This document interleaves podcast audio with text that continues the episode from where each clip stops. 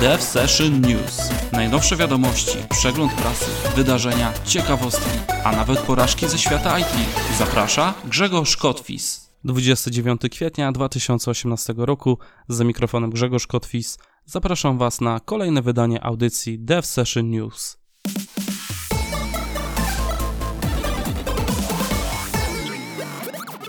Zaczynamy od informacji ze świata JS. Wydano nową wersję Reactive Extension for JavaScript o numerze 6.0.0. Pojawiła się nowa wersja NPM'a, czyli najpopularniejszego menedżera pakietów dla Node.js'a o numerze 6.0.0. To wydanie jest właśnie związane z wydaniem również Node.js wersji 10, o którym informowałem w poprzedniej audycji. Znajdziemy tutaj poprawę wydajności czy nową komendę npm audit, wykrywającą dziury bezpieczeństwa w użytych paczkach. I ostatnia informacja to nowa wersja Ember.js o numerze 3.1.1. Ember.js to framework ułatwiający pisanie aplikacji webowych z użyciem wzorca MVC. Po prawie czterech latach prac twórcy jednego z najpopularniejszych rozwiązań do edycji tekstu na stronach www, CK Editor, udostępnili jego nową wersję. Wśród najważniejszych udoskonaleń znalazło się obsługa Virtual DOM, tryb kolaboracji w trybie real-time, architektura przygotowana pod system wtyczek, czy możliwość kustomizacji edytora, budowania go z takich komponentów, jakie potrzebujemy. Światło dzienne ujrzał menedżer pakietów od Microsoftu VC Package, w skrócie VCPKG, dla języka C++. Dostępny jest już na trzy platformy Linux, Mac OS oraz Windows. Aktualnie w repozytorium znajduje się już prawie 900 bibliotek, w tym około 350 na Linuxa czy Maca. GitLab uwolnił swój edytor WebIDE, umożliwiający edycję plików, podgląd Markdown, przeglądanie zmian w repozytorium, komitowanie, tworzenie pull request, a to wszystko dostępne prosto w przeglądarce. Pierwotnie ta opcja była dostępna w wersji 10.4 Ultimate, jednak od najnowszej 10.7 jest już dostępna dla wszystkich.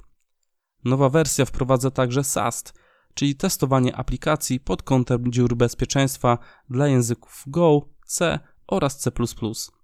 Ta opcja z kolei dotyczy tylko planów Gold oraz Ultimate.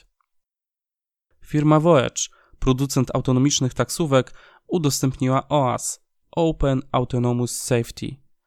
OAS to w pełni otwarta biblioteka zawierająca wewnętrzne procedury bezpieczeństwa, materiały i kod testowy używany przez Voyage. Skorzystać mogą z niej m.in. startupy, których celem są właśnie pojazdy autonomiczne. W skład tego zbioru wchodzą scenariusze testowe, bezpieczeństwo funkcjonalne, testowanie poprzez wstrzykiwanie błędów, ocena autonomii pojazdu czy zestaw narzędzi. Pojawiła się nowa roadmapa dla Java SE, przedstawiające nowe zasady licencjonowania i plany wydań. I tak, poprawki aktualizacji do Java SE wersji 8 będą publicznie dostępne do końca stycznia 2019 roku. Po tej dacie projekty komercyjne typu Enterprise będą musiały wykupić licencję, aby uzyskiwać aktualizację dla tej właśnie wersji. Dla uspokojenia dodam, że jeśli planujecie dokonać aktualizacji do wersji 9 czy 10, czy pozostać przy ostatniej wersji 8 wydanej przed końcem stycznia 2019 roku, nie musicie nic płacić. Google sforkowało jeden z popularnych motywów GTK Adapta do repozytorium Chrome OS, co może sugerować, że pracuje nad własnym motywem na ten właśnie system i co więcej, nad wsparciem czy udostępnieniem w nim natywnych aplikacji Linuxowych. Koniec końców może się okazać, że Chrome OS będzie wspierał aplikacje androidowe, PWA, czyli Progressive Web Application oraz desktopowe te z Linuxa, co jak najbardziej może przyciągnąć nowych użytkowników do tej platformy. Microsoft pracuje nad wprowadzeniem podglądu publicznych repozytoriów Visual Team Service dla anonimowych użytkowników, czyli takich, którzy niekoniecznie mają czy chcą zakładać konta w VSTS, a chcieliby podejrzeć, oczywiście w trybie read-only, projekt, status buildów, wydań, czy po prostu przejrzeć repozytorium z użyciem właśnie tego narzędzia. W Azure pojawiła się dystrybucja Linuxa Red Hat Enterprise, dostępna także w darmowych subskrypcjach dla celów deweloperskich, gdzie możemy zapoznać się z systemem, wdrożyć i testować nasze rozwiązania. Red Hat to jedna z najstarszych dystrybucji Linuxa, jest wersją komercyjną, a jego odpowiednik non-profit istnieje pod nazwą Fedora. Druga taka krótka informacja, mm, także związana z Azure, dotyczy udostępnienia Azure Container Instance, czyli możliwości wdrażania kontenerów zarówno Linuxowych oraz Windowsowych. Usługa dostępna jest już globalnie we wszystkich regionach. Amazon udostępnił w swojej usłudze AWS szablony blockchain, które upraszczają rozpoczęcie projektu opartego o tą właśnie technologię. Aktualnie wspierane są dwie Ethereum oraz Linux Foundation Hyperledger Fabric. Przygotowane przy użyciu szablonu rozwiązanie blockchainowe może być hostowane w klastrze ECS lub EC2. Szablony są darmowe, ich użycie nic nie kosztuje, płacimy jak zawsze za zużyte zasoby przez nasze rozwiązanie. Na stronie rails-hosting.com pojawiły się wyniki ankiety dotyczącej społeczności Ruby on Rails i deweloperów Ruby. W badaniu wzięło udział około 2000 programistów z 72 krajów. Wyniki ankiety są następujące. 65% ankietowanych odpowiedziało, że pracuje w firmach, które dostarczają konkretny produkt czy oprogramowanie. 45% deweloperów posiada ponad 7-letnie doświadczenie w pracy z Railsami, z czego freelancerzy w większości pracujący z Railsami mają ponad 10-letnie doświadczenie. Połowa respondentów odpowiedziała, że ich rozwiązania są zaktualizowane do ostatnich wersji Railsów. 49% respondentów jako narzędzie do analizy kodu, taki typu Code Quality Tool, używa Rubocop. 58% ankietowanych wskazało, że y, używa Dockera i Kubernetesa, a jako 5 takich najlepszych paczek GEMS wymieniono Device, Sidekicku, Pry, AirSpec czy Rubocop, wspomniany już wcześniej. Wiodącą bazą danych używaną z Ruby on Rails jest PostgreSQL i na nią wskazało 85% ankietowanych. Facebook w dalszym ciągu wprowadza sporo zmian, m.in. w obrębie API dla deweloperów. Planowane jest zamknięcie niektórych z nich, dalsze wprowadzanie ograniczeń, w szczególności w zakresie publikacji w imieniu użytkownika.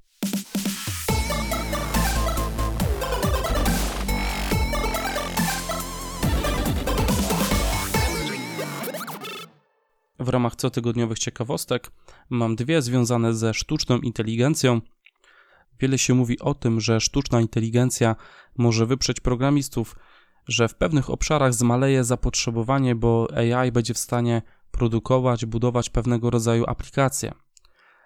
Y, do tego chyba jeszcze daleka droga, choć za chwilę usłyszycie, że nie tak bardzo. Ale na dzień dzisiejszy jest już taki projekt, który zrodzony jest, zrodził się w Szwajcarii, e, nazywa się Deep Code. Deep Code to jest narzędzie analizujące i ulepszające kod. Powiedzmy, że to jest taki Grammarly dla programistów. System posiada około 250 tysięcy reguł, e, skanuje repozytoria na GitHubie, zarówno publiczne, jak i prywatne, i wskazuje na problemy w kodzie i co można z nimi zrobić. System stara się zrozumieć, przewidzieć intencje w kodzie, czyli co chcieliśmy osiągnąć. Analizując repozytoria GitHuba, e, śledził również, jakie zmiany dokonywano w kodzie, w jaki sposób go poprawiano, i dzięki temu uzyskał właśnie ten y, kontekst, e, jak można ulepszać kod. E, projekt dostępny jest na stronie deepcode.com AI. Druga ciekawostka, także związana jest, jak już wspomniałem, tematycznie z AI, e, może już Was bardziej zmartwić, gdyż e, wojsko stworzyło, tak naprawdę wojsko może nie stworzyło, ale dało kasę razem z Google e, na stworzenie sztucznej, sztucznej inteligencji, która potrafi wygenerować kod na podstawie słów kluczowych. Przykładowo, wpisując kilka fraz typu call read line, type file, file reader, type buffer reader, uzyskajemy kod w Javie wczytujący zawartość pliku. Projekt nazywa się Bayou. Jest to narzędzie typu Deep Learning, które swoją wiedzę zawdzięcza około 1500 aplikacji androidowych. które dostarczyły w sumie około 100 milionów linii kodu.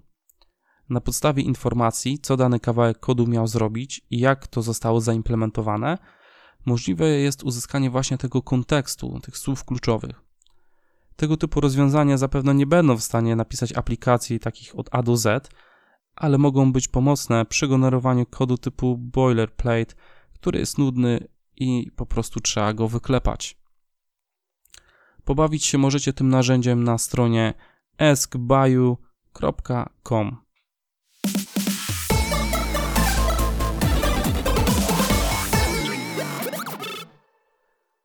Na koniec audycji czas na nadchodzące wydarzenia. W przyszłym tygodniu niewiele się dzieje, bo jest weekend majowy, więc y, konferencji nikt nie organizuje, ale wspomnę te, które odbędą się za dwa tygodnie. Zaczynamy od konferencji Code Europe, która odbędzie się 8 maja w Krakowie. 7 i 8 maja, czyli w poniedziałek i wtorek w Gdańsku na Politechnice odbędą się trójmiejskie targi pracy IT. Od środy 9 maja do piątku 11 w Krakowie odbędzie się edycja, e, konferencja Geekon, związana głównie z tematyką Java. Infomit Katowice, 12 maja, sobota, bezpłatna, cykliczna, interdyscyplinarna konferencja IT i targi kariery. E, tego samego dnia, czyli 12 maja, odbędzie się Multiclick 2018, ale nie zapisałem w jakim mieście. Multiclick, Lublin, Lubelski Park Naukowo-Technologiczny. I ostatnie wydarzenie to jest Topcoder. I takie dosyć ważne, można powiedzieć, wydarzenie, bo to jest e, regionalne, czyli obejmujące tutaj e, nie tylko Polskę, ale e, ościenne kraje. 12 maj Uniwersytet Warszawski, potyczki algorytmiczne w trybie single match. E, wydarzeniu towarzyszy także maraton programistyczny, który poprzedzi właśnie to, to, to główne wydarzenie.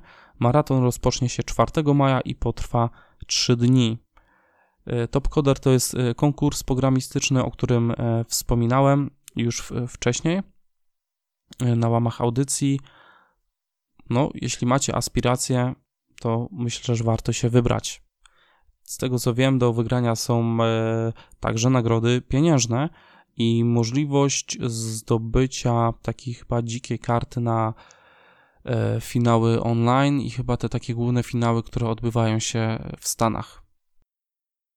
To wszystko, co przygotowałem dla Was w tym tygodniu. E, w przyszłym tygodniu jest majówka, ale jak najbardziej w środę na devstyle.pl wyląduje nowa porcja linków do ciekawych artykułów, do ciekawych tutoriali, do jeszcze bardziej ciekawszych newsów. Także w przerwie jak będziecie sobie leżeć na leżaczku, odpalcie w środę devstyle.pl, a słyszymy się już za tydzień. Cześć!